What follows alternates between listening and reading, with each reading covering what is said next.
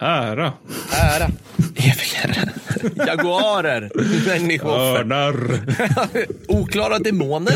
Ja. Ingen vet. The Shorn Ones, som de Ja, kallas på Fredrik, engelska. du kommer älska det här. Mm. You will love it. Det är nästan som man hade kärnvapen. Nästan så bra. Alltså det är in, azteker med kärnvapen. Jag tycker med vätebomber vore en Ja, det var- fantastiskt. ko- kontrafaktisk historia. de upptäcker...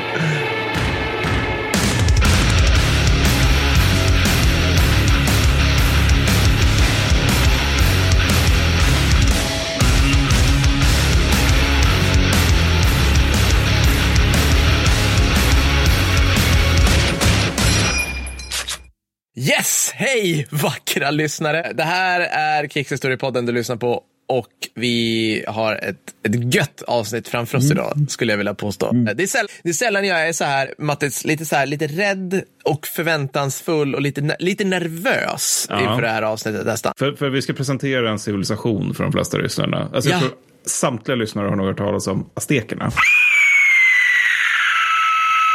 Ja, mm, Jag tror det är där det börjar och slutar. ja, ja, Ja, precis, för det så precis. var det för mig också innan vi läste på inför det här Ja, avsnittet. Man har här hört ordet. Ja, Men, men sen så är det liksom bara, ja just det, de hade en krigföring och Ja. deras kultur, religion och civilisation. kretsade kring det. Ja. Och det, alltså, ja, Det var inte bara trappstegspyramider och djungel, alltså som, som, nej, som allting nej, var. Nej. precis, precis. Så var det inte. Nej, precis. Att, alltså, vi, vi har ju lite grann så här, när vi började läsa på om det här aztekisk krigföring så var det så här, oh my god, det här är vilket rabbit hole. Alltså, vi skulle kunna, det finns så otroligt mycket att ta av här. Liksom. Ja. Ja, ja, ja, visst. För nu ska vi gå igenom krigföringen och gillar ni det här så kommer vi gå igenom några krig också Ja. i, i framtida avsnitt. Eller kanske liksom Maya, Inka, tjofräset. Men jag har ju läst grejer av författare som man märker att de har blivit så inne i det här. Ja. Att så här, okay, så här, det finns inga bra illustrationer på hur en jaguarkrigare på den nivån såg ut. Så det jag gör nu är att jag tillverkar en egen dräkt och ber min fru ta en bild på mig i trädgården. och det fun- alltså så här, om man här, hade det här varit liksom 1900-talet i Europa, då hade man tyckt att töntigt. Alltså så här, kom igen. Men det här är så här, bra. Mm. Ja, alltså, det här behövs. För vad ska vi göra? Det, det är liksom, de finns ju inte längre. Eller liksom, Det är lite grann att vi ska prata om utomjordisk civilisation från scratch. Liksom. Ja. ja, men det är lite grann som vi sa i försnacket att Garth Ennis som ligger bakom um, Preacher, Preacher och, och Crossed och... The Ja. Boys också. Ja, Ja, The men Boys. det är just det. När han- gick till sitt dark place och bestämde sig för att nu ska jag vara en total edgelord mot alla som gillar zombie fiction. Nu gör jag The Crossed. Ja, det ja. här är, jag har inte läst den, jag har läst om den, men den verkar Ja. vara så jäkla läskig. Ja, den är obehaglig. Det, det, alltså, aztekerna har liksom drag av crossed civilisationen. Ja, ja. Alltså inte riktigt, men, men alltså när det gäller graden av våld, alltså det Ja. är så jävla galet där. Ja. Så att det här kommer bli blodigt Det avsnitt. här kommer bli blodigt och lite... Och vi, alltså, vi kommer ju massakrera ett språk som jag tror är dött. Och? Alltså, men som är... Nah, nah, nahuatl heter det. Nahua, ja, det, det, Nahuatl. I min värld är det alldeles för många konsonanter. Mm. Det är typ som finskan förutom å, ä, ö. På schack. Ja. Ja, och allting slutar på TL också. Exakt, exakt. Men först har vi shoutout Ja. som vi vill bara riva av för Ja. att vi vill bara götta in oss i det här. Jag kan börja, Mm. säga till mig själv och dig. Från Erik, jag vill ge min barndomsvän Alexander en shoutout. Jag lyckas få honom att börja lyssna på Krigshistoriepodden till slut. Bra jobbat Erik. Han har mage att på grund av jobb flytta ner till ärkefiende Danmark nu i höst. Inte okej, Alexander. Jag anser dock att detta innebär ett utmärkt tillfälle att infiltrera Danmark. Ja! Så det är fantastiskt. Då kan Alexander, denne man med oan- oanade kunskaper inom grekisk filologi, vad är det? Vi- Är det så här läran om grekisk bokkonst? Filologi. Ja, ja, det kanske det är. Ja, ja. Ja, det är så- ja. Fortsätta kampen med att eh, införsupa oanade mängder av Tuborg tillsammans med smörrebröd för att så småningom genomföra tågandet över Stora Bält 2.0. I övrigt önskar jag Alexander stor lycka till på nya jobbet. Hälsningar Erik. Fint Erik. Hej, Mycket bra. Erik. Mm. Hej Erik. Eh, Jag ska hälsa från Thomas då som skriver då, skulle hemskt gärna vilja skicka en, alltså ska tilläggas, Thomas är också patron, så att han är en särskilt väldoftande människa. Nej, men det är han skriver, skulle hemskt gärna vilja skicka en shoutout till kamrat Kjellander, Sveriges råaste Flash Terror-spelare, som befinner sig på hemlig plats och ägnar sig åt att lära ukrainska eh, patrioter och smiska ryssen. Snus är på väg, kamrat. Det, det här är en typ av, typ av shoutout mer än gärna gör. Och det var passande med Flash Terrors, för nu ska vi prata azteker. Snus, ja, det var snyggt. Alltså, Mattis, jag bara, jag är, alltså, så här, vi har ju pratat förut om, lite, lite när vi väljer att piska Dan Carlin. Liksom. Det har vi pratat om. Så här. Och du vet när folk på internet har fel och säger saker som typ så här, ja men människor under medeltiden var så mycket mer vana vid våldsam död, så det var inte så traumatiskt för dem att delta i ett fältslag. Folk kommer med sådana här organ, så här. Folk förr var psykopater. Det, som Ja, jag folk sagt förr var psykopater Ja, och de var hade liksom, och det var inga som helst problem att bara gå in och nacka sperman. Och, och de här människorna som framför de här åsikterna säger de, idiot, de säger idiotiska saker som toughness och sånt. Ja, alltså så här, ja. det finns en, att det finns en mänsklig förmåga som heter tuffhet eller något. Hårdhet.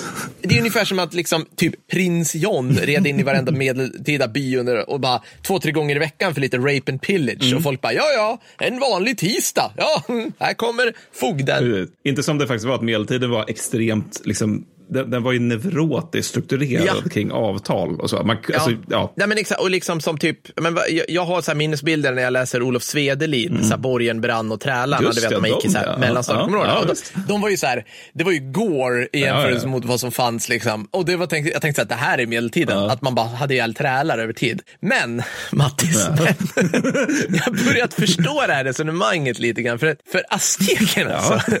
Jösses man! Alltså, hur en civilisation ser ut som aldrig kommit inom ett ljusår från en uppfattning om människovärde. Nej, alltså, det känns lite så. Ja. liksom, när hela samhället är byggt för att blidka blodtörstiga gudar. Som är bokstavligt talat blodtörstiga. De lever Ja. på människoblod. Ja, och det, och det är liksom, det är till och med mer, alltså vi, vi har diskuterat där innan, liksom att så här, det finns liksom inget luft mellan samhället och religionen heller. Nej, nej. Alltså till och med liksom, ja men så här, ja, vi sa ju det liksom att det finns liksom ingen av de abrahamitiska religionerna kommer i närheten av det här. För i liksom islam, judendomen och kristendomen, där kan man liksom vara närmare eller längre ifrån Gud på Ja, något vis. visst. Precis. Och här är det inte så. Nej. Här är du, Nej, men det, det är just det här liksom att krigföringen är i, i praktiken en religiös handling. Alltså krigföring till så stor del syfte, alltså de, det kommer till det, de, Ja, men ja. de, de utkämpar krig av materiella skäl. Men även då så är det liksom så här att krigföringen får religiösa konsekvenser. Ja, ja. Och, de religi- och de religiösa riterna går ut på att stycka folk, slita Ja. ut deras hjärtan, flå dem, hela den balletten. Så att, ja, det är lite lattjo. ja, och, och då är ändå gåret det minst intressanta med aztekerna. Alltså så, om Ja, man, ja om man liksom, absolut, ja, absolut, absolut. Jo, nej, men precis. Men, men eftersom, eftersom aztekerna kanske inte, det är lite hipster skulle jag säga. Så jag tänkte bara liksom, några, några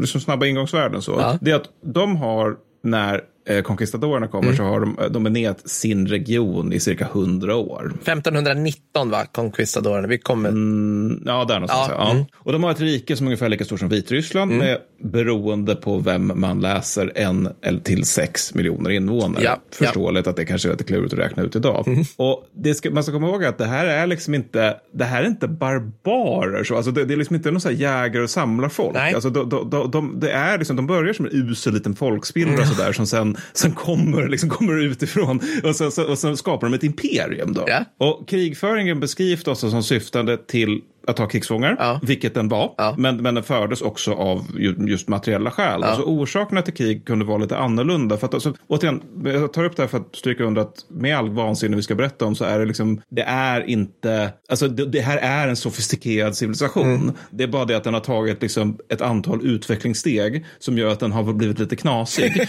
Eh, alltså för man, man tänker sig defensiva det krig. ska på en mugg. Aztekerna, lite knasigt. Precis, bild, bild på en av deras klubbsvärd. Ja, med, ja. Jag ska misshandla vad de heter senare. Men, men alltså, orsaken till krigen var defensiva. Då är det liksom att azteker eller allierade köpmän, har, eller aztekiska eller allierade köpmän ja. har dödats av främlingar. Ja. Eller att vasaller reser sig, för en stor grej med aztekerimperiet är vasaller. Och är det bara eliten som har dummat sig, Mm. de som har dummat sig gentemot aztekerna, då, då skickas armén för att fånga dem. Ja. Så. Precis. Fånga är en stor grej av det här. Det, Det är kan vi säga. Grej. Det är Ja, en ja. jävligt stor grej. Är det ett folkligt uppror så sker kriget mot folket. Och när jag säger sker mot folket, det är totalt då. Alltså Ja. det är liksom så här, alla kan räknas som fiender. Det, liksom, det finns inte riktigt någon gräns där mellan kompatanter och, och, och icke-kompatanter på det sättet. Och det är lite speciellt för att om, vi, du, om du och jag har pratat om det här så är det liksom inte, hur ska man säga, det är inte som romarna som går över och slåss mot gallerna Nej. eller åker över och slåss mot numibier, utan det är liksom som att romarna bedriver folkmord mot etruskerna. Typ. Alltså Mm. Ja, det, det är ja. jättenära. Ja, visst, alltså det är verkligen De är- deras kusiner. Ja, svinlika varandra. Och alla vet vilka det här är. Jag, jag, jag tänker ibland som att det är som att Florens på 1500-talet bara blir en sån här bananas, Mm, blodtörstig flesh terror imperium och bara trycker ner alla andra runt sig. Men alla vet ju att ja, men det är ju florensare. Alltså de, så här, de är ju våra kusiner typ. Precis, men det är exakt. Det är inte som det där liksom, när hundarna kommer och, och folk bara, ah, det, det är nu vi verkligen har träffat kentaurerna. Ja, exakt, exakt, precis. Det är inte utomjordingar som har stigit Nej, ner. nej, nej, precis. Men och grejen också att in, innan aztekerna kommer, det, det här är lite roligt, då, det, då brukar de skicka diplomater som i flera, flera varv frågar, är ni säkra på att ni vill Ja, det här? ja. Och det funkar ganska ofta för Ja. folk vet att ah, vi kanske inte är så jävla säkra. Jag har tänkt om och kommit fram till att nej. Lite så. Nej, men sen är det också att när, när det gäller vasaller och neutrala stater som ligger i närheten, då för, förväntar sig eh, eh, aztekerna i praktiken military access. ja. Så du vet, liksom eh, non-aggression pact, trade agreement, military Ja, access, liksom ja, den skalan. Så. Och blockeras det här, deras arméer, ja då blir det naturligtvis krig. Men sen så har vi de offensiva krigen och det är liksom när andra städer vägrar underkasta sig aztekiska kungar eller gudar.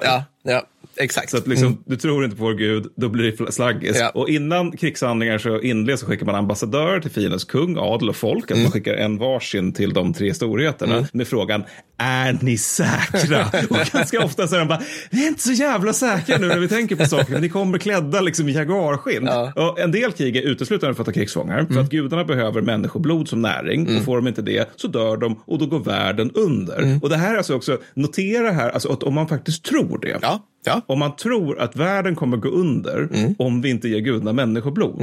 Alltså, det, det är liksom då helt logiskt att ge dem det. Alltså, vi vet att världen har gått under fyra gånger. En gång så skickade gudarna ut jaguarer och åt upp alla människor. Ja. En gång skickade de eld Ja. och brände alla människor. En gång dränktes de av gudinnas tårar. Och så var det någon fjärde, jag tror det var vindar eller någonting. Ergo, vi måste tillse att inte de här stora jordbävningarna kommer som kommer. För vi vet att de kommer komma. Ja. Men, vi, men, men det, är liksom, det blir på något sätt, det blir en moralisk plikt Ja. att ge dem blod. Ja. Alltså för, för att vi vet ju att det har hänt förut. Ja, men det, exakt. Och det är det som gör det här lite 40K. Att så här, då, vi vet att det har hänt förut. Allt det här finns i vår världsbild då, såklart. Vilket gör, och vi är inte så här, världsfrånvända, hallucinerande psykopater. Nej. Så då måste vi säga, jaha, okej, våra gudar ska ha blod. Bara, Hur ska vi gå tillväga bäst? Och så sätter sig de ner och så resonerar de fram till att ja, men då måste vi ta krigsfångar och så får de offra livet för det.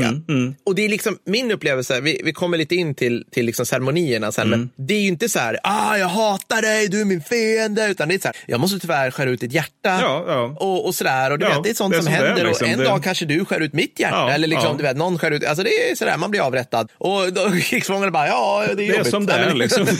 det var tråkigt att det blev min, min, En min tur torsdag, den här gången. liksom. Ja. Alltså, och det, det, det där vill jag minnas också ledde till att det var ganska vanligt med ritualiserat självskadebeteende. Alltså att man, Ah. det är så här lite till vardags skär sig i armen sådär för, för att det är blod till gudarna. Så. Men, men sen så har det någonting som har blivit väldigt uppmärksammat också. Det är det som kallas för Soshi-Yaoyatl. Comante?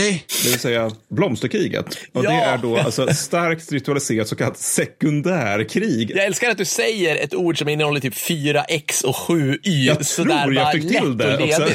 Ja, Det var, jag väldigt, det var snyggt jobbat där. tack, tack. Ja. men, eh, det är alltså att man, man slåss på en viss plats vid en viss tid med en viss mängd krigare. Ja. Och det här fungerar dels som stridsutbildning för de redan existerande Ja, krigarna ja. och dels då som religiös rit. Alltså det är blod som spills där, det går till gudarna. Jajamän. Så att Korn bryr sig inte om vem blodet är. Blood! Blood! for the blood god. Ja. Ja, men det är ju typ Ja, det. ja. Men, och, och, och allt det här är liksom hur aztekerna ser på rättfärdiga krig. Ja. För det, det är ju precis som alla andra civilisationer så vill de ha rättfärdiga krig. Mm. Men i praktiken är det ofta ett verktyg för att rättfärdiga ett krig efter att det utkämpas av materiella eller politiska skäl. Ja. Det vill säga, vi tog just den här grannstaden, vi tog 2000 krigsfångar, de, deras hjärtan och huvuden pryder Mm. nu någon vägg någonstans. Och det var för att de dödade en handelsman. Det var det. Vi det var det. bestämt nu. Det var- Men sen så är det också det här med att det ofta är krig för det som krigshistorien älskar mest av allt i denna värld, det vill säga utöver Konrad och fransmän. Baguette. Det vill säga logistik. Ja. Det vill säga att aztekerna saknar hjul. ja, det gör de. Alltså inte, inte som i högtiden utan liksom de runda saker som man använder för att få fram eh, tunga saker. Ja. Och packdjur. Ja. Och det här innebär att det är svinfort att förflytta varor. Ja, för vi har bara människor. Ja, som, liksom, precis. ja. Så är är det ofta ett viktigt krigsmål att tvinga andra människor att tillverka och förflytta varor till azteker. Ja, ja, precis. Det, vilket också är, det är ju ganska rationellt på något sätt. Men Så det här är liksom ett imperium som har en mängd olika vasaller som gör saker åt imperiet. Ja, ja. Och, det håll, och liksom, vasallerna hålls på mattan via vasallernas insikt om aztekernas makt. Mm. Liksom. Alltså att de, de vet att de är mäktiga, så då, då kommer vi liksom inte resa oss. Mm. Och makten upprätthålls genom att vasallerna väger eventuella frihetstankar mot aztekernas sanslösa förmåga till våld. Ja, Ja. Så liksom, den aztekiska delen av imperiet är rätt liten, men de är också i nästan konstant krig för att liksom, dels ta terräng, men också bara så här, upprätthålla sin image. Mm. Ja. Liksom så att vasallerna bara, kom ihåg nu, ni ser de här raden med krigsfångar som är på väg till Tenochtitlan och nu kommer liksom, Mm. ja, det kom, de kommer flås levande, hela den grejen. Det kan ju liksom hända er också om Ja. ni fuckar runt. I'm gonna make him an offer he can't refuse. Och folk låter sig dock underkasta sig az- aztekerna eftersom alltså, aztekerna inte lägger sig i så där jättemycket hur, hur de underkastade styrs. Alltså, man, man har liksom de här initiala kraven och sen så, sen så får det som är okej, men ni, ni har er jävla kung. Alltså, så länge ni accepterar vår kung och våra gudar, fine, liksom Mm. skiter om ni är en adelsoligarki. Så. Och då är det liksom ofta lättare att underkasta sig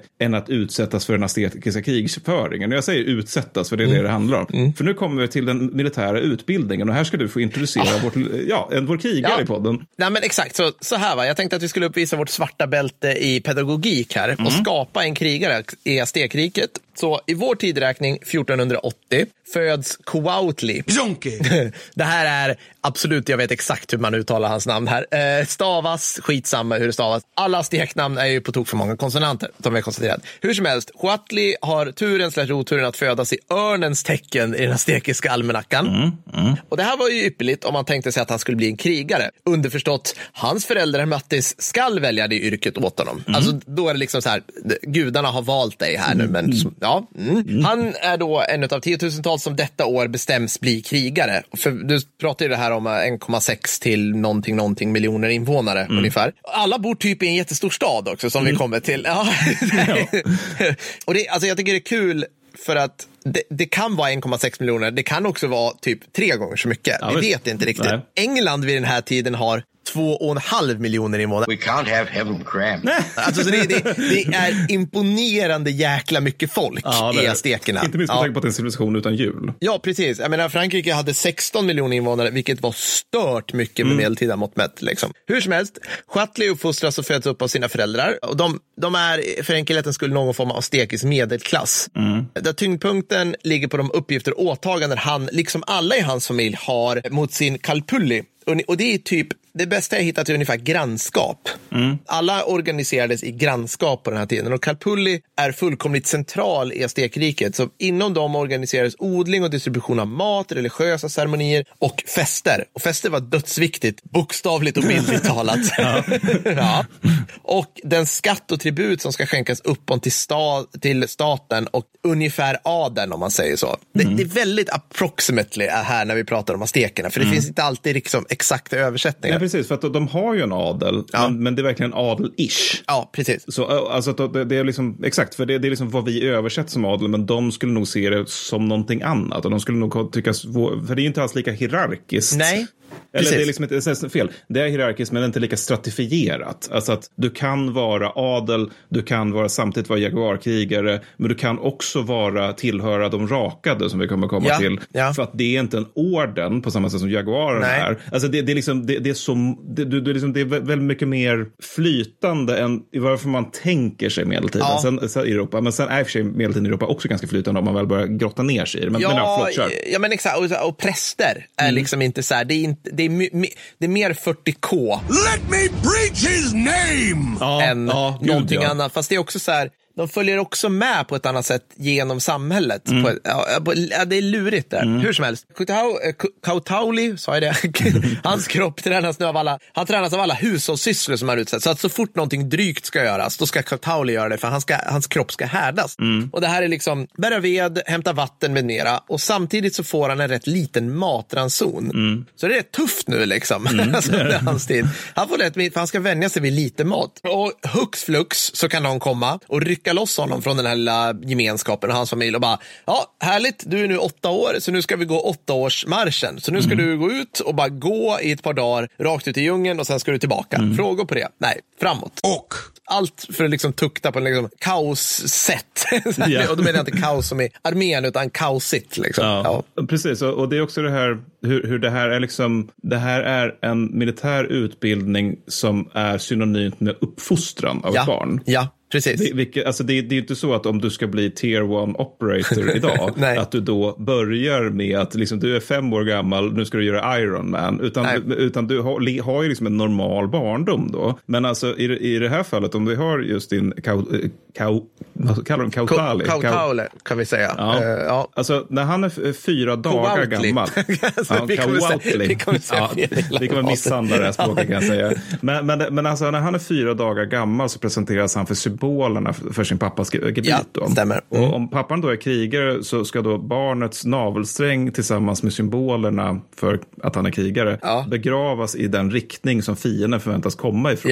Ja, ja. Inga konstigheter här. Det är mycket ritualer i det här är- samhället. det det. Vid 20 dagars ålder så tas han sen till den lokala militär, militärakademin. All, alla aztekiska städer har en sån. Och där kommer han inspekteras. Och eh, givet att liksom alla är med på att han ska bli krigare, Mm. då kommer de, han också antas redan där. Han kommer inte bo där Tju- än. 20 dagars ålder. Ja, alltså, ja. Vi, vi bara säger han är alltså ett nyfött spädbarn och Ja, folk ska bara, ja. bra lår, Lovande. ordentlig nypor här. Biceps är det.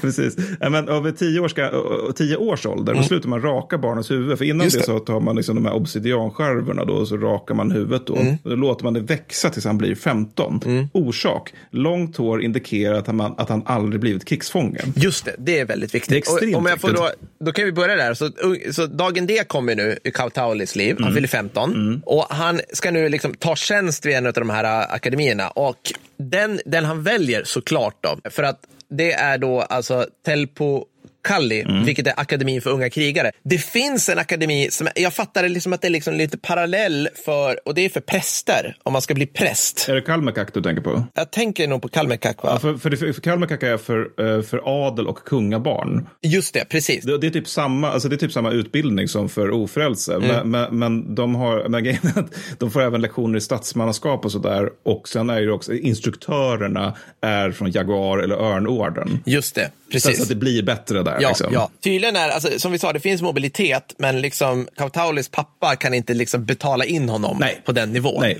så, att- så han väljer det, helt enkelt krigare. Och de dagliga sysslorna fortsätter nu för Kautauli och pojkarna sätts nu ihop i lag för att bland annat reparera akvedukter, gräva kanaler, laga och bygga vägar samt allt möjligt mer för att hålla den här megastaden i kärret flytande. Alltså, Tenochtitlan bor i ett träsk. Ja, ja alltså på riktigt. Och liksom, alltså, aztekerna var, det är rätt coolt, de var liksom Mellanamerikas svar på holländare. Alltså hela deras historia hade so far gått ut på att liksom förvandla kärr och sumpmark och öppet vatten till odlingsmark. Utan hjul eller dragdjur. Eller, alltså så här, det, det, är bara, det är bara kids som går ut med typ spade modell järnålder. Och bara, oj. Precis. Och det är ganska imponerande. Ja, det är ganska mycket utdikning blir det för unga Kaptauli. Men, men, det, men det är också det där med hur, hur det är, alltså att när, när militärakademin väl, väl tar över honom, Ja. det är ju verkligen då också att de tar över honom. Ja, då. ja, precis. För att det är ju liksom så här att pappan dyker upp med, med Kautauli Mm. och så, liksom avsvär sig uttryckligen av föräldraansvaret som nu övergår till militärskolan. Ja. Och de har, de har en så här ganska lattjo ansökan som är så otroligt rituell. Ja, ja, ja. Det är liksom så här, typ ett A4 som man ska liksom bara dra liksom, oavkortat. Så här. Ja, han memorerar ett A4 med massa konstiga Ja, grejer. ja. Ja, Och, så, och, och, och militärakademin ska sen svara också. Och, då, och grejen är att i den boken jag läste om där så var det liksom att de, de hade den direkta översättningen vad som sägs. Ja. Och då är ju det som, liksom, som om Navi skulle säga det. Ja, Alltså att allting är metaforer. Och sen så är det liksom den översättningen till engelskan vad de menar. Så att liksom i ansökan säger till exempel föräldrarna eh,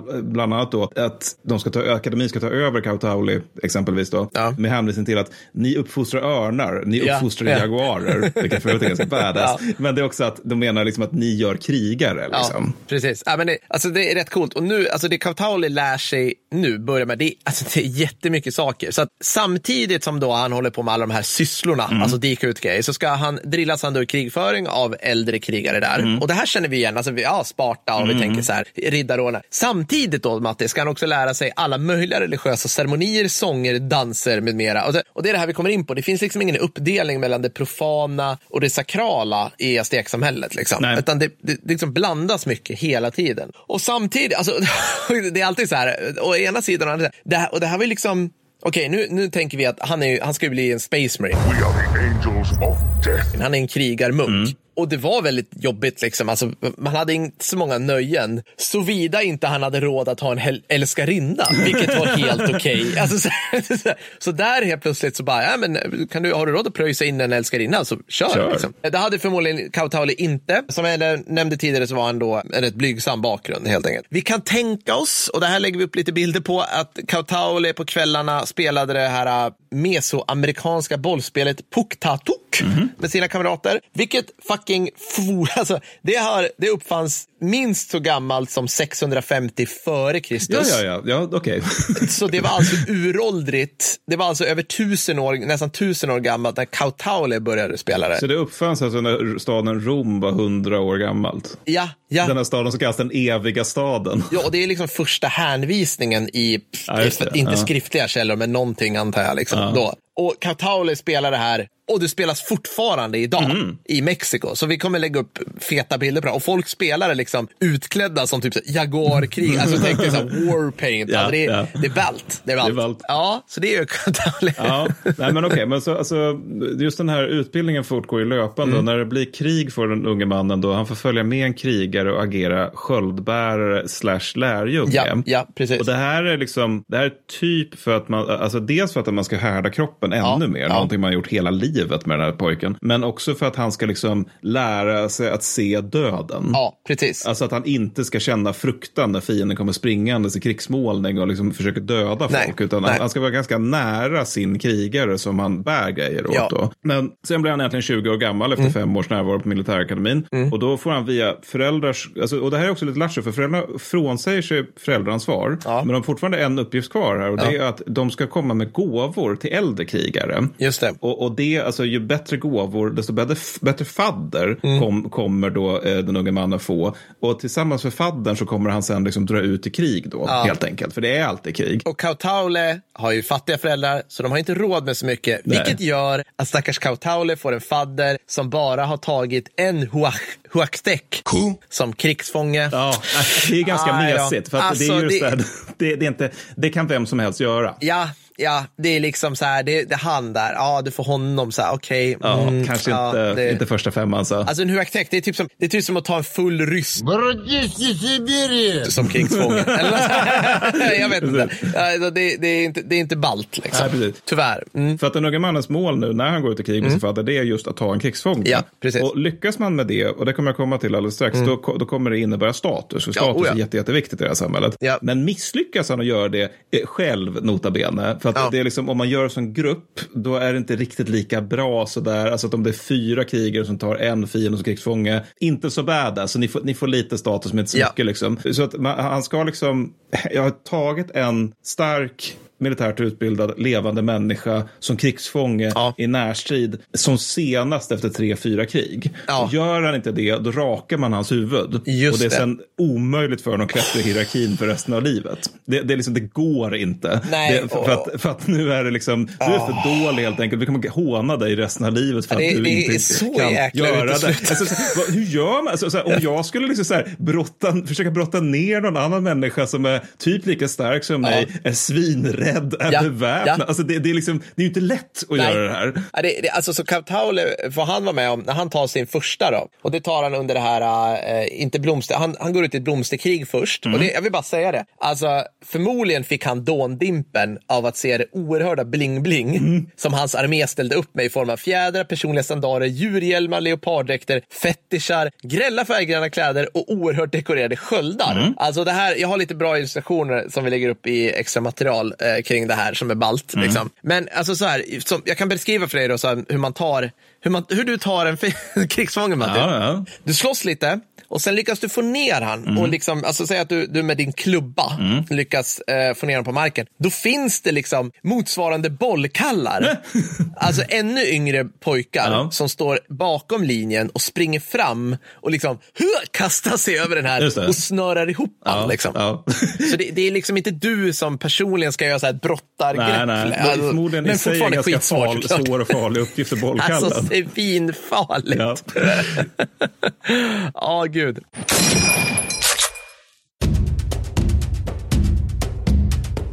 Underbara lyssnare. Gösta Ved och Artefakter AB kommer nu med veckans deal för dig. Inspirerad av aztekernas episka leopardhudar, örnstandard och demonhjälmar har firman med dess namn i spetsen styrt upp en svensk variant. Vad sägs om att vid nästa hemmamatch bära den svenska fruktade rävens skinn och skrämma slag i motståndarlagets supportrar? Gösta har nämligen trålat bland jägarna han känner och kommit över en hel del kadaver som bara legat för en spottstyver, så även doften kommer att golva dina nemesis. Mattis, du bär väl den här vid varje föräldramöte för att få din vilja fram? Jajamän. Ni hör, köp nu.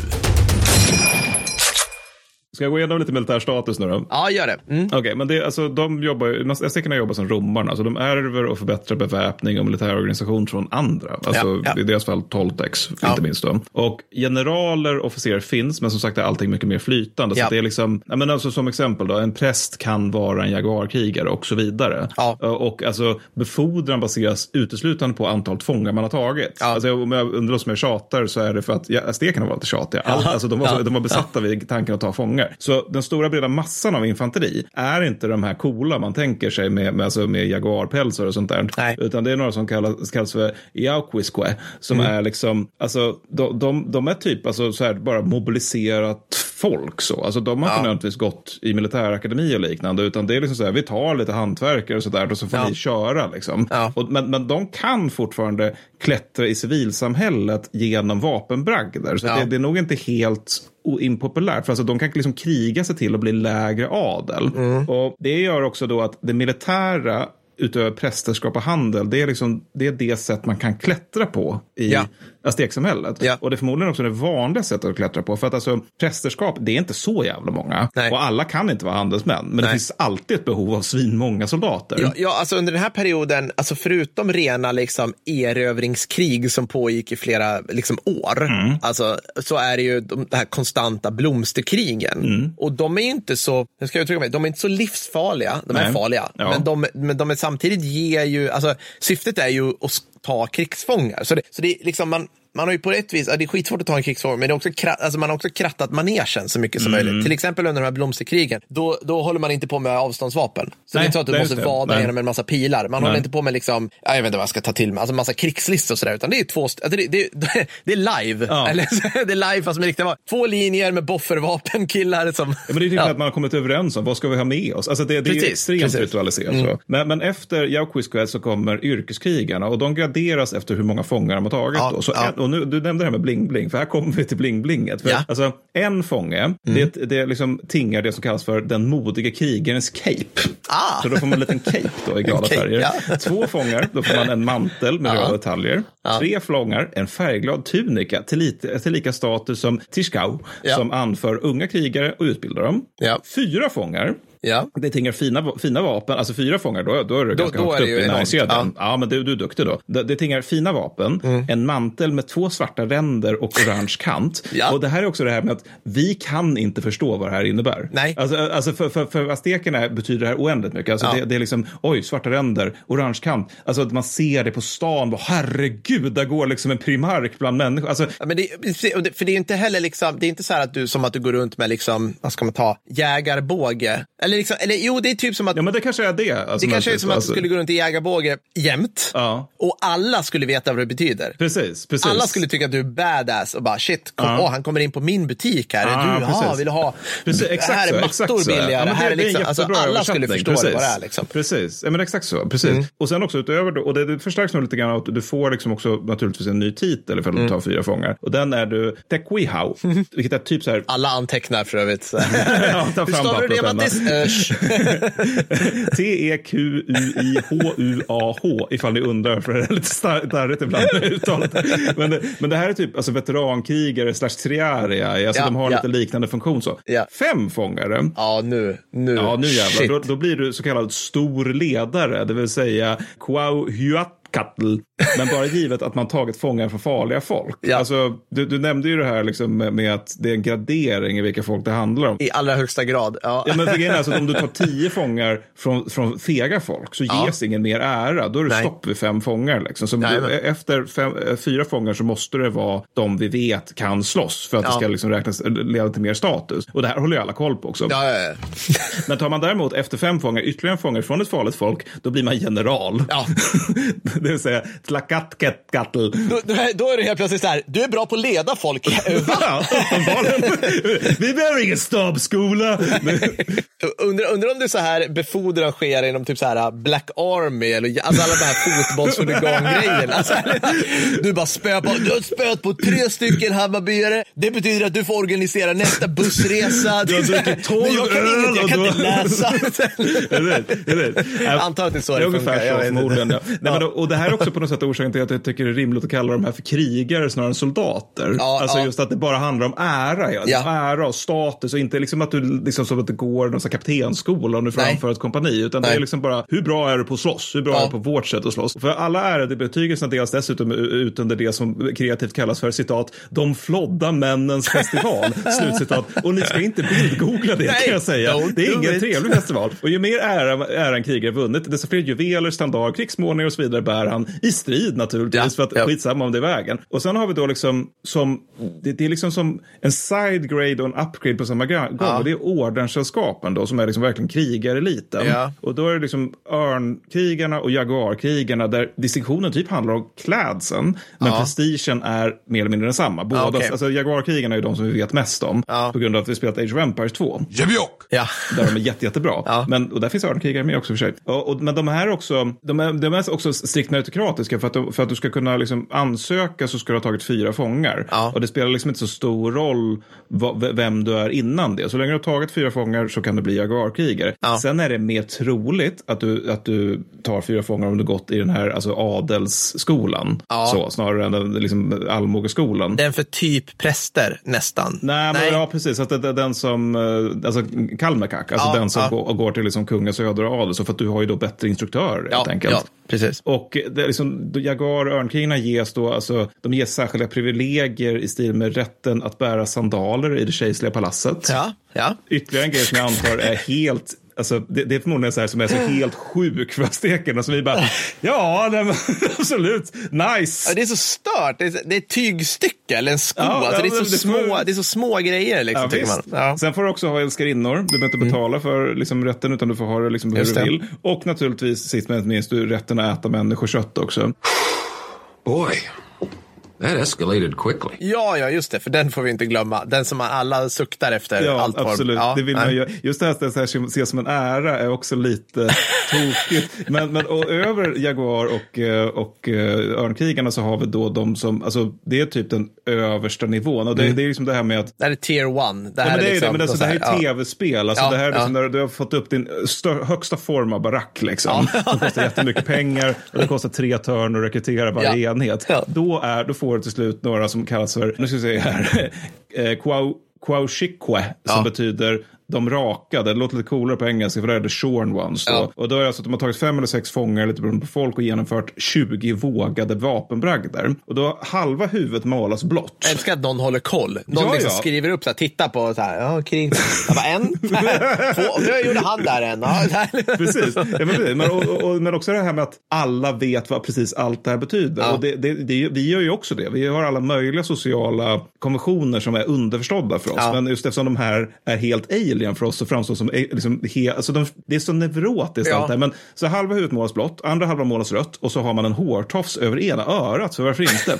och de dräkt, där, bär dräkter av fjädrar snarare än, än hud. Ja. Ordnarna har liksom det sistnämnda då. Och, men de, de är också jaguarer eller örnar. Ja, så de lägger det på sin tidigare. Precis. De Alltså, har, de, de har flera patches här, Mm, liksom. flera precis. bågar. Ja. Mm. Precis, så de, liksom, de, de, de är liksom, det är mer alltså att bli en av de rakade. Ranger och Special Forces och Ja, men, Airborne. och, eh, men liksom, exakt, ja, alltså, det, ja. Mm, det, det, det är liksom det mesta du kan bli, men du är fortfarande ranger så att säga. För, för att du är liksom, det är mer, alltså, att om du har den här ansiktsmålningen och den här huvudtofsen, Mm. då är du då, mer, alltså, det är mer som ett tecken på att du är en sjukt skillad krigare snarare än att du tillhör ett eget sällskap. Då. Men är det här de samma som, som, de, som du kallar de rakade? Liksom? Ja, det är de rakade. Ja, just det. Precis. Men då är det väl också så här att om du går med i dem, då liksom viger du ditt... Alltså om du tackar ja till Ja, det, ja. så viger du ditt liv åt krig. Liksom. Som jag har förstått det, ja. Ja, de, ja. De, de, de, de var lite tossiga. Ja, okej. Men med det sagt, ska vi gå igenom lite utrustning Per? Ja, let's. Mm. Vi börjar med vapen, för det är därför alla Ja, är här. ja, och är där, viktigt. alltså, aztekernas utrustning går ut, liksom, dela in i det som är helt standard för alla folkslag någonsin. Ja, ja, det, ja, och till det som är helt eget. Ja. Så Ja. när det gäller vapen så standard är liksom bågar och slungor. Ja. Och det som sticker ut är att de har obsidianspetsar på pilarna. ja. Vi måste någon gång prata om slungor, alltså slingers generellt. Ja, för det är någonting som bara, alltså så här, det glossas över alltid Mm. i, så här, i, så här, i så här fina, fant- eller så fina medeltidsgrejer. Mm. Då går man alltid direkt på så här pilbåge, det blir ranged, då blir det så pilbåge eller armborst. Slungor är så helt banana. Alltså det, det är typ Jäklar vilken explosion. De spränger här borta. Förlåt.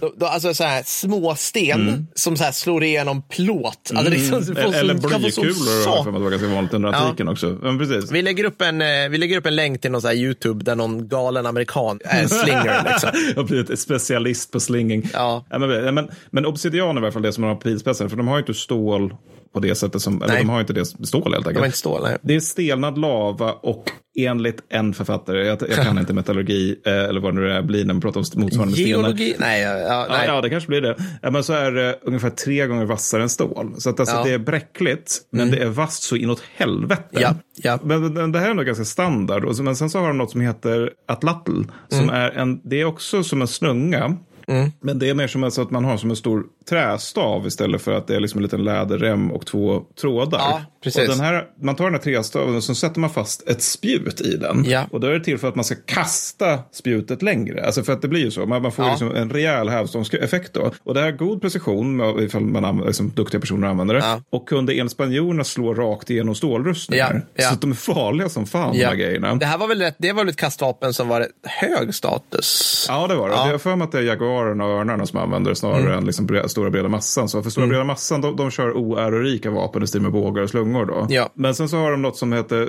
Tepot...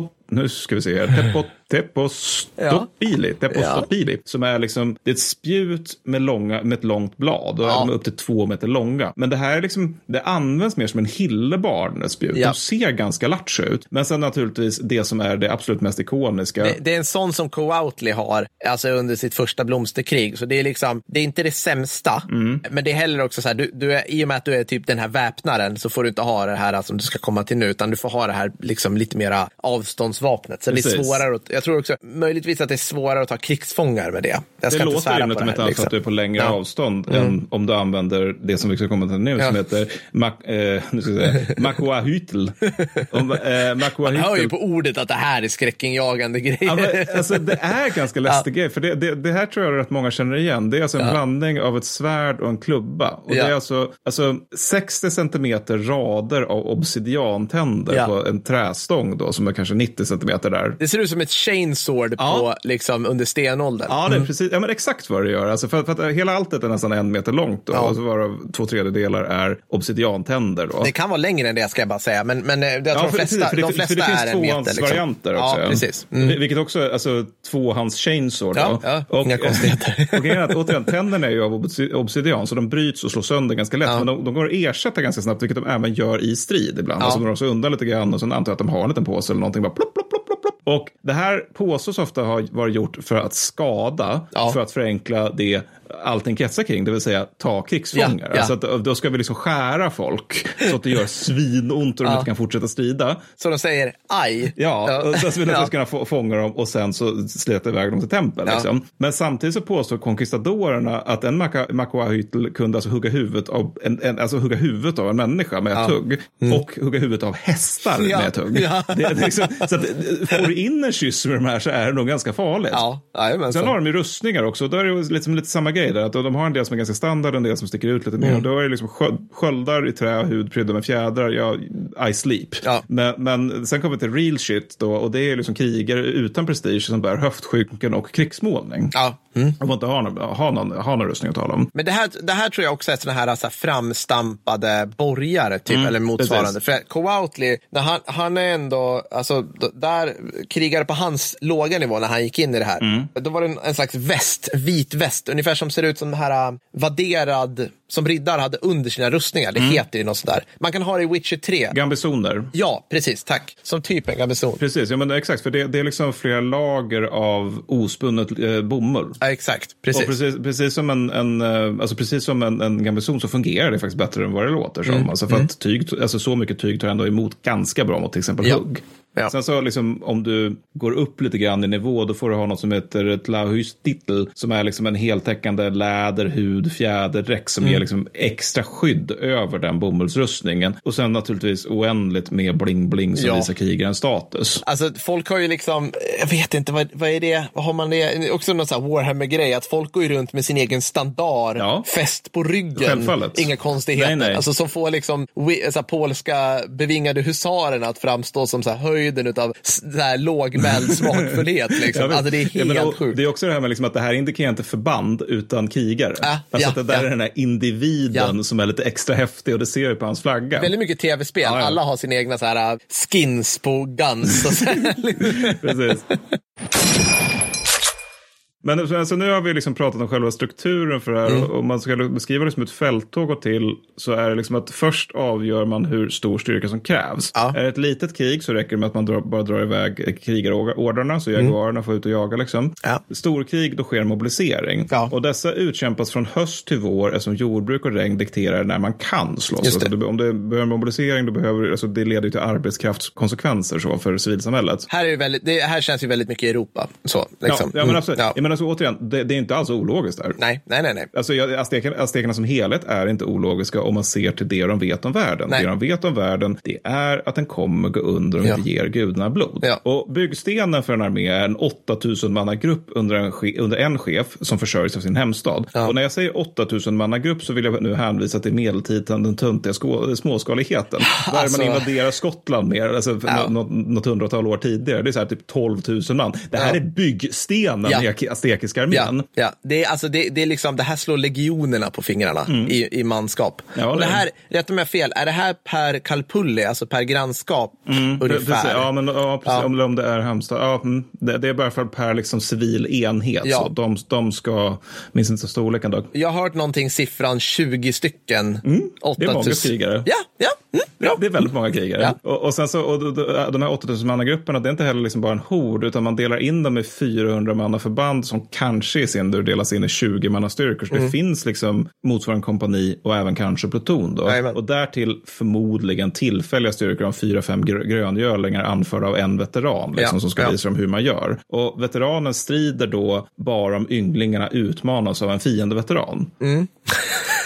Så att även liksom ett faktiskt krig är väldigt ritualiserat. Ja, Alltså att veteranen står där och bara, aha, där är en annan jaguarkrigare, dig kan jag slåss med. Men så länge jag bara ser de här andra fiendens gröngölingar, jag tänker inte nedlåta mig, det får ni fixa pojkar, i framåt nu. stridens hetta. Alltså, jag lyckas hålla koll. Ja, det är fantastiskt. Och, och det som jag tycker är värt att notera här det är att det finns återkommande påståenden om styrkor så stora som 200 000 man. Ja, det är helt bananas. Alltså. Det är helt stört och du kommer gå igenom det lite nedan. Men det kan ju tilläggas att Stockholms befolkning på den här tiden är typ 10 000 ma- personer. Och vi kan liksom inte försörja fler i Sverige med mat. För då skulle Nej, nej, alla nej. svälta ihjäl. Nej, alltså, ja, jag, jag, jag kan ta det här. Först, jag ska berätta lite om vad, hur det här påverkar Kautauli. Men först liksom, ett exempel då som jag stött på. Hur, alltså för, man har ju försökt förklara hur aztekerna kunde liksom upprätthålla sådana här enorma arméer. Alltså, vissa säger så här 400 000 man. Jävla... Ja. under vissa fälttåg. Men helt enkelt det, vi var inne på det, de har ett sinnrikt logistiksystem med depåer och framskjutna lager hos sina vasaller. Men sedan var det så här att alla civilisationer i Mesoamerika på den här tiden var med, med liksom medeltida mått mätt dopade. För att de hade ett överflöd av proteiner i form av majs, alltså maize, det är typ som dagens majs, bönor och squash. Liksom. Alltså det, det odlades svinlätt. Så att det, det liksom bokstavligt talat så växte det växte på träd helt enkelt. Och sen om du lägger till att klimatet inte, heller inte krävde att du käkade en massa för att upprätthålla kroppsvärmen. Samt att aztekerna var mästare på lantbruk. Se vår utläggning om att de dikar upp grejer och liksom, det, de, ja. de fattar hur saker och ting funkar. Så har du då en fin möjlighet att så här, underhålla arméer på distans på typ så här 100 000 man på den här tiden, vilket är helt stört. Precis. Med alla mått med. Det är svårt idag. Det är svårt idag Alltså, och, det, och, liksom- och, de, de, de, de, är, de tänker ju även strategiskt. För de, de, de, alltså, de marscherar alltid längs floder Ja, för, för att ja. få vatten. Så att Ja. inte alla ska bara törsta ihjäl. Vilket, om man tänker Chaco-kriget till exempel. Där dör ju typ alla hela tiden av vattenbrist och törst. Och sen så en annan grej är också det här med du nämnde depåer. Det är ganska vanligt att det är bara så här en allierad stad. Ja, ja. Precis. som finns längs marschvägen. Och Ja. man, man, man skickar ut folk bara, tja, vi kommer dyka upp snart, Ja, vi tänker ja. ha käk, annars ni, kommer ni ingå i det här kriget Ja. kan vi säga. Om man skickar iväg de här, det är coolt, de här 8000 manenheterna, Mm. de beter sig som Napoleons divisioner. Ja, just det. Fast bara i, liksom 400 år innan Napoleon och utan jul. Ja, ja, visst. Så de, bara, de, liksom, de fattar så här, okej, nej men första, okej, så här, det är liksom, vi stägar, vi liksom, vi stegar marsch, avmarschen Mm. liksom, med jämna mellanrum så att de kommer till depåerna, har tid på sig att käka, vila upp och gå vidare liksom. Mm. Och sen samlar vi de här när det passar. Och hur man gjorde det, det vet ingen. Alltså det är så... Ja, men, eh, röksignaler faktiskt. Röksignal, ja, just det, var, en grej man Ja. använde.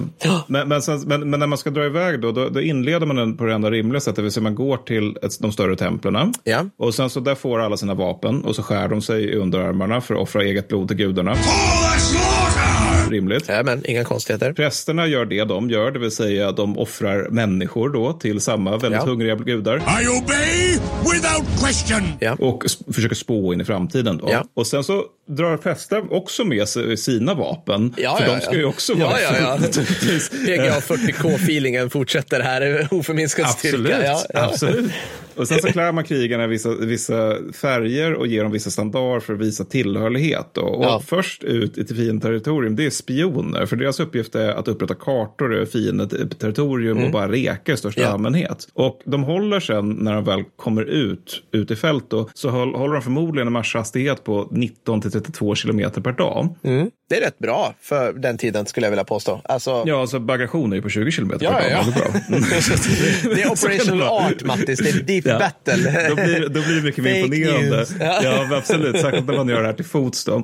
Och marschordningen är då prästerna går först, sen Mm. de militära ordnarna och veteranerna, sen det liksom gängse fotfolket och sist allierade städer, alltså Ja. krigare från de allierade städerna. Och läger, här är också ganska ro- romerskt, för det, det upprepas varje kväll där man liksom börjar bygga lägerplatser efter, liksom, man börjar bygga det, liksom det som har mest prestige. Så att liksom om kungen är med, vilket han ofta är, då, liksom, då vi börjar med hans Ja. grej, liksom, Ja. så hans, hans boning. Och sen så jaguaren och så vidare. Och gamla krigare som egentligen inte kan slåss längre, de får ändå följa med, för deras jobb är just att organisera lägret, samt Ja. också informera fruar där hemma om att ja, men just din karl råkade stupa här. Ja, då. just det. Men du ska, nu ska du berätta om ett helt outtalbart fälttåg jag. Ja, det ska jag absolut göra. Ja, men, Okej, så Kautauli under den här tiden, eh, det har gått väldigt bra för honom. Mm. Han har hållit på nu i kanske ja, fem, sex år ungefär, så han har tagit fyra fucking krigsfångar. Åh, jävlar, så ja. Det har gått jättebra för honom. Ja, han är nu veteran. Och som du var inne på, så med den här statusen så kommer inkomster. Det har gjort att han har kunnat gifta sig och starta bygget av ett hus på sin familjs typ ägor, compound. Liksom. Mm. Han, ska nu, han är nu på ett marsch, och nu snackar vi liksom folk mot folk. Nu jävlar, de Mm. är på marsch mot mixtekerna. De är farliga på riktigt, va? De är farliga. De, är- de är högstatus, Ja, eh, mm. kri- de är högstatusfiender. Och Kautauli käkar lite, de har gjort en, en rast och han står och käkar lite tortillabröd som hans fru har lagat åt honom och som eh, han har med sig i sin stora korg. Som såklart inte han bär, Nej, utan nej, han nej. har ju nu en väpnare. Ja, men, ja. Men liksom, så även om vi pratar om, om liksom att vi, vi är djupt imponerade av, aztekernas logistik, så var det också, för, alltså så här, du tar ju ändå såklart med dig din egen mat Ja, ja, och ja, äter självklart. förmodligen av den först. Ja, ja, då, liksom. Ja. Hur som helst, genom en slump så står Kautauli post vid lägerkanten den natten då en aztekisk handelsman, slash spion som du var inne på, Ja. han dyker upp sårad och svulten. Han berättar att fienden Tututepec befäst sin stad och det är en del av Mix- Mixtekriket. Men, men att han eh, som hämnd för att nästan bli dödad av Tutepekerna, för de kom på att de var spioner, han har kastat en besvärjelse över dem. Han ska, han Ja, ska kasta ja, en besvärjelse. Ja. Det här gör Kotauli otroligt imponerad. Han tar det här på fullaste allvar. Det här är helt obegripligt för oss, men ja. Ja. Men det finns en anledning att de här besvärjelserna liksom, inom säkerhetskrigsfång faktiskt kunde ha effekt. Mm. Alltså psykologiskt förstår vi det. Det är en placebo, liksom, de slåss bättre. Men man, tydligen var det så också att man kunde elda sär, särskilda växter och den kunde, då kunde Mhm. röken driva in Mm. och, och faktiskt göra så här att, ja, men det var inte så att folk dog, men att så här, fienden blev lite illamående och slogs lite sämre. De är lite sega liksom för att vi har haft Ja, liksom så det, är så här... det, är liksom, det är kemisk krigföring på 1400-talet. Men det känns ju också så här väl lämpat för Sydamerika. För det, om man läser om Sydamerika känns det alltid som att allting som växer är på något sätt psykedelia. Ja, ja. Nej, men det, det, är helt otroligt. Och som, okay, så nu kommer de äntligen fram till de hatade mixtekerna i sin stad Tututepec. Och Kotauli med stegar under beskjutning så lyckas han och, och eh, hans, hans eh, krigarkollegor här, ta inta staden. Men, och det här är problemet, det är ingen strategisk seger för att civilbefolkningen och armén har retirerat upp bland kullarna och eh, förstärkning för dem var på väg. Så, och i denna krigföring, det här suger lite grann för Kautauli, för det är väldigt svårt att ta krigsfångar här Mattis. Ja. Alltså, om fienden hela tiden drar sig tillbaka under ordnade former upp i berg, du kan liksom inte springa fram och klubba ner någon. Det här gillar inte aztekerna. Nej. Det är därför misstänker fruktade, för att de, de springer sig iväg hela tiden. Det är svårt De att ge gudarna exakt, mat. Och... Exakt, och så skjuter de kanske pilar, de är fega eller någonting. Ja. Liksom. Nej. Så att eh, Kautauli har, han har dräpt många istället. Men var nu vid solnedgången då utmattad och själv sårad. Flera eh, dagar av anfall och försvar slutar till slut med en fredsöverenskommelse Mm. som aztekerna drog på munnen åt. Återigen, man, visst, man har kunnat plundra till sig guld och ädelstenar, men det är det här med krigsfångar, Ja, ja. Inte bra. Nej. Ska jag avsluta Kautaule? Ja, jag tänkte dra strid. Fredrik, jag ber Fre- Fredrik om ursäkt. Men om man tänker sig liksom ett regelrätt fältslag där stekarna eh, kör. Då Mm. är det liksom att man inleder, för du har gått igenom belägringar, vanligt. Ja. Mm. Fältslag också ganska vanligt faktiskt. Och bataljerna inleds med gryningen. Och som sagt sker då det strategiska sambandet med röksignaler. Ja. Det taktiska sker med trummor, horn och krigare som slår på sina sköldar och ropar sin stads namn. För de kommer Ja. ofta från flera olika städer, antingen aztekiska eller allierade städer. Stridstekniskt samband består av standard och tappar man standarder så drar, drar sig förbandet för, tillbaka omedelbart. Mm. Och det här är liksom inte för att de är fega utan det är för att man anser att det, de vet, de ska, kommer inte veta var de ska framrycka ifall de inte har standarder att följa. Liksom. Nej, så de drar nej. Mm. sig undan för att inte bli avskurna helt enkelt. Och den hårda kärnan består av veteraner med kroppsskydd, sköld, makoaitil och atalattel. Mm. Och runt om finns en massa noviskrigare med sköldar, närstridsvapen, men inga rustningar. Och därefter den här breda massan då av icke-yrkeskrigare som har bågar och slungor. Och stridsförfaranden då, det är att oproffsen, alltså den breda massan, de inleder med några, bekämp- alltså några minuters bekämpning på 5-6 meters avstånd då, där de bara liksom skjuter bågar, kastar slung, slungsten och så vidare. Det är rätt nära, ska jag vilja påstå. Det är ganska nära. Det, alltså, jag tror inte det var några häftiga bågar här Nej. som då just använder dem på det här liksom nästan närstridssättet. Så. Men därefter framrycker proffsen och kastar sina atlattel under marsch. Och därefter, vilket också är ganska romerskt. Jag tänkte precis säga det. Ja, ja pilum. Det är väldigt liksom. mycket pilum, Ja, då, ja. men också, också, också tecken på god utbildning, att man kan marschera och an, använda det här ganska komplicerade kastvapnet Ja. samtidigt som man drar. Liksom. Ja. Och sen då när man närmar sig så är det dags för närstrid med spjut och eh, makoatil. Och först in i smeten är just de rakade, alltså the shorn ones. Of så. course. Ja, och de strider i stridspar och är edsvurna att aldrig fly fältet. Ja, ja. Därefter så följer jaguarer och örnar som, för, som i sin tur följs av no, noviser. Då. Alltså Ja. krigare, men du har liksom ännu inte tagit tillräckligt många krigsfångar för att bli jaguar eller ör, örn. Men innan alla egentligen så är det först ledarna. Ja. För att återigen, de är ju liksom ledare för att de är duktiga på att slåss, inte Ja. för att de är duktiga på att liksom planera, alltså, Nej. på Nej, nej, nej, nej, stabsarbete. Att, och de som flyr utan tillåtelse, de dödas naturligtvis på plats och ställe. Absolut. Det, det är liksom bara så man gör. Och aztekerna är i regel fler än fiende. Och efter den här beskrivningen av de här hundratusentals manarméerna. Man förstår det. Ja. Alltså det, det Ja. Man förstår att de är fler. Ja. Och de eftersträvar konstant flankeringar och omringningar. Och det här är naturligtvis då för att om man flankerar och omringar en, fiende, en fiendestyrka. Då är det, säg det i kör, lättare att ha krigsfångar. Alla Jajamensan. krigsfångar i Jajamensan. världen får man då. Äran är total. Sen tar, men man tar gärna till skenreträtter då. Ja. Alltså att man, man låtsas att man blir rädd och så springer man sig iväg. Och, men det är mest för att man då ska kunna genomföra ett överfall under fältslagets gång. Ja. Alltså man retirerar och sen omringar och förgör man fienden. Ja. Och, men när man ändå förlorar, för det gör de från och till, de är inte oövervinnliga. Nej. Så alltså, då eftersträvar och lyckas aztekerna oftast med ordnade reträtter. Och även det här säger nog någonting om att den här långa militära utbildningen faktiskt ger frukt. Ja. De är disciplinerade. Ja. Alltså de kan hålla huvudet kallt även när det är fullskalig strid. Så. Mm. Och krigarna brukar då dra sig undan utan att vända ryggen mot fienden, vilket återigen är tecken på skarp jävla disciplin. Mm. För att alltså, om du behöver retirera så ligger impulsen att bara springa iväg nog ganska nära. så. Projektiler kastas och de rakade utgör naturligtvis arriärgardet. Så att de är liksom, de är helt, alltså, jag vet inte vad, vad man ska säga om dem, för de är alltså först in i strid. Ja, ja. Och de är också först ut ur strid. Ja. Och det här är en form av strid som är med klubbsvärd. Ja, ja. Alltså de är nog ganska duktiga på det de gör då.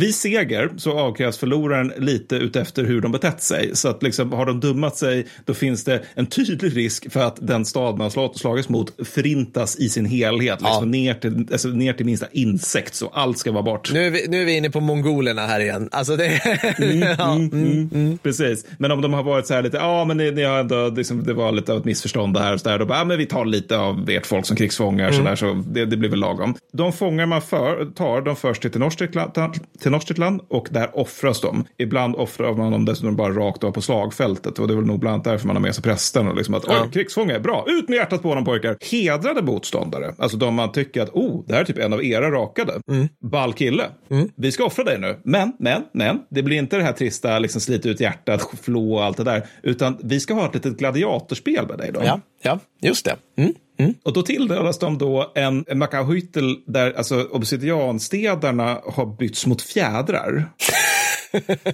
Vilket är...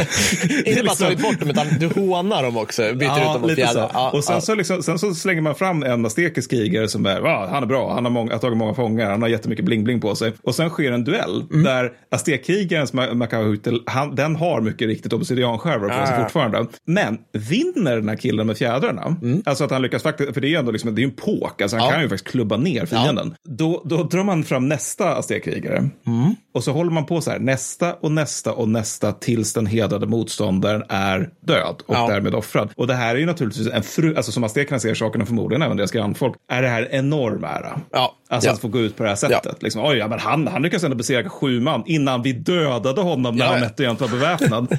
men mer normalt är att bara slita ut hjärtat på offret. Kroppen tas sedan till den krigare som fångat krigsfången, alltså eller snarare till det- hans hem då. Ja. Och där, där äter, äh, äter man köttet då. I mean, that really got out of hand fast. ja, såklart. som man gör. så kannibalism är en grej. Ja. Benen hängs sen upp liksom lite grann i hemmet då för prestigens skull. Då, så att, vilket är sjukt. Och slutligen tar man då skallbenet och sätter in den i en dödskallevägg. Då, där, så att liksom krigaren Aj, aj, aj. kan gå runt med sina barn på stan. Liksom bara, Ser du det där kraniet där? det var jag pappa som tog det. Det var farsan det va? Så var det. Sen något annat man gör också det är att efter ett slag då, det är att man, man, de, man drabbas naturligtvis av egna stupade då. De antingen kremeras eller begravs lite beroende på status Ja. och de döda antas bo i solen i fyra år och därefter återkommer de till jorden som fjärilar och fåglar. Ja. Vilket är lite fint på något Ja, men det var fint. Ja, precis. Men hur går det då för dina stekkrigare här Ja, då? år 1519 så står den nu 29-årig krigsveteranen Kotauli framför det stora templet, äntligen hemma. Han har sin sjätte krigsfånge. Shit. Boom, boom, boom. Ja, jag vet, på knä framför sig med ett fast grepp om dennes hårknut. Hela hans släkte där och lyser av stolthet. Men Kautaulis fru är lite orolig för att Kautauli, han, har- han står nu på toppen och har nu ett val att göra. Så att, ska han välja att bli befordrad upp i officersskrået, helt enkelt? Eller ska han välja att gå med i, kau, nu säger vi det på olika, kaushiki, alltså de här De rakade. rakade. Ja, precis. Där han liksom svär sig till evig krigföring, ungefär.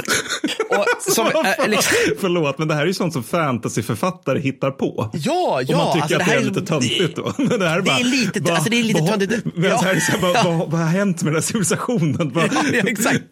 Det, och det känns lite töntigt att berätta det här, men det, men det är liksom... Nej, men jag tycker det är töntigt för det här hände. Det här var en grej. Ja, ja, visst, var- visst. I varje fall, nu spelas en slags vidrig teater upp där Kautauli och hans fånge ska spela varsin roll där de in, antar rollen som gudar. Mm. Så att, allt det här leder till slut till att Kautauli, att han blir, den här um, krigsfången blir offrad. Mm. Och jag lägger upp det i den här dialogen på, eh, på extra material i discorden för att jag orkar inte dra det nu, men den är rätt ball. Alltså, det, är rätt, det är rätt pung i det här. Mm. Mycket, så här, mycket så här blodtörstig Pantheon-grej. Hur som helst, ceremonin är avklarad, fånge offrad, gudarna är nöjda. Nu är det dags för fest. Kautauli är nu i, ska man säga, i alla praktiska hänseenden adlad. Och det här betyder att hans son kommer att få ärva en plats i den aztekiska adeln. Så mycket mer, mycket mer än så är det- är svårt att drömma om för en aztek här. Och Kautauli går nu runt och hälsar på alla sina festgäster i sitt fina hus med stora leden på läpparna. För han har nu, han har faktiskt råd och status nog att skicka sin son till Kalmekak för att bli en lärd man. Oh, ja. Ja, så han, så, han slipper gå, alltså han slipper det här livsfarliga och fruktansvärda krigaryrket. Så det är fint, Det är alltså äntligen Ja, kan han ja. liksom släppa det. Men, för det här är en Grim Dark-podd. Kautauli vet inte om det, men hans son har ingen vidare ljus framtid framför sig. För redan innan året är slut så når nyheten staden som de bor i, Tetolachlan, Tenochtitlan. Om att figurer som måste vara guden, nu ska vi se, Quetzalcoatl, Quetzalcoatl. Lägg ner, kan du det här? Ja, det kan det faktiskt. Quetzalcoatl och hans följe har klivit i land i sydväst bland Totonac-folket. Dessa var klädda i silver och red på bisarra hjortar. Mm. Så domedagsprofetiorna, av vilka säkert många, börjar slå in. Så. Och så slutar stekimperiet. Jajamensan, så är det. det. Det är alltså... Vi kan prata, vi kan prata själva det praktiska någon an, i något annat avsnitt, tänker jag. Bra. Jag hoppas ni gillat det här. Ja. Vi, ska prata mer, vi ska prata mer azteker och liknande eh, snart. Jag lovar det. Jag, jag har fått blodad, eh, blodad tand, höll jag på att säga. Mm. Eller blodad uh, Macao-hyttel. Ja, ja, gud vad mycket sånt här vi kommer lägga upp i extra material. Hörni, underbart att ni lyssnar. Vad ska vi prata om nästa gång Per? Va? Har vi fler avsnitt? jag är lika förvånad varje gång. Vi... Eh, ja, vi ska. Äntligen! Vi ska avsluta belägringen av Premiership. Det kommer bli mycket bra. Ja, det blir för patrons. Det är för väldoftande. patrons. Ja, precis. Bra. Eh, för andra, för alla er andra som inte har tagit det ärorika klivet in och blivit våra arbetsgivare ska vi prata krimkriget. Ja. Del 1 ska sägas också. Precis, vi har faktiskt, patronerna kanske får en lite intressant upplevelse. För vi avslutar en dubblett och sen Just så det. blir det en trippel efter det. Jajamensan. För vi ska ha tre delar om krimkriget. Det kommer bli episkt. Back to 1800-talet. Jag har längtat. Äntligen. Ja, ja. Men då så, då får ni ha det så fantastiskt så hörs vi nästa gång. Ha det fint. Hej då. Hej då.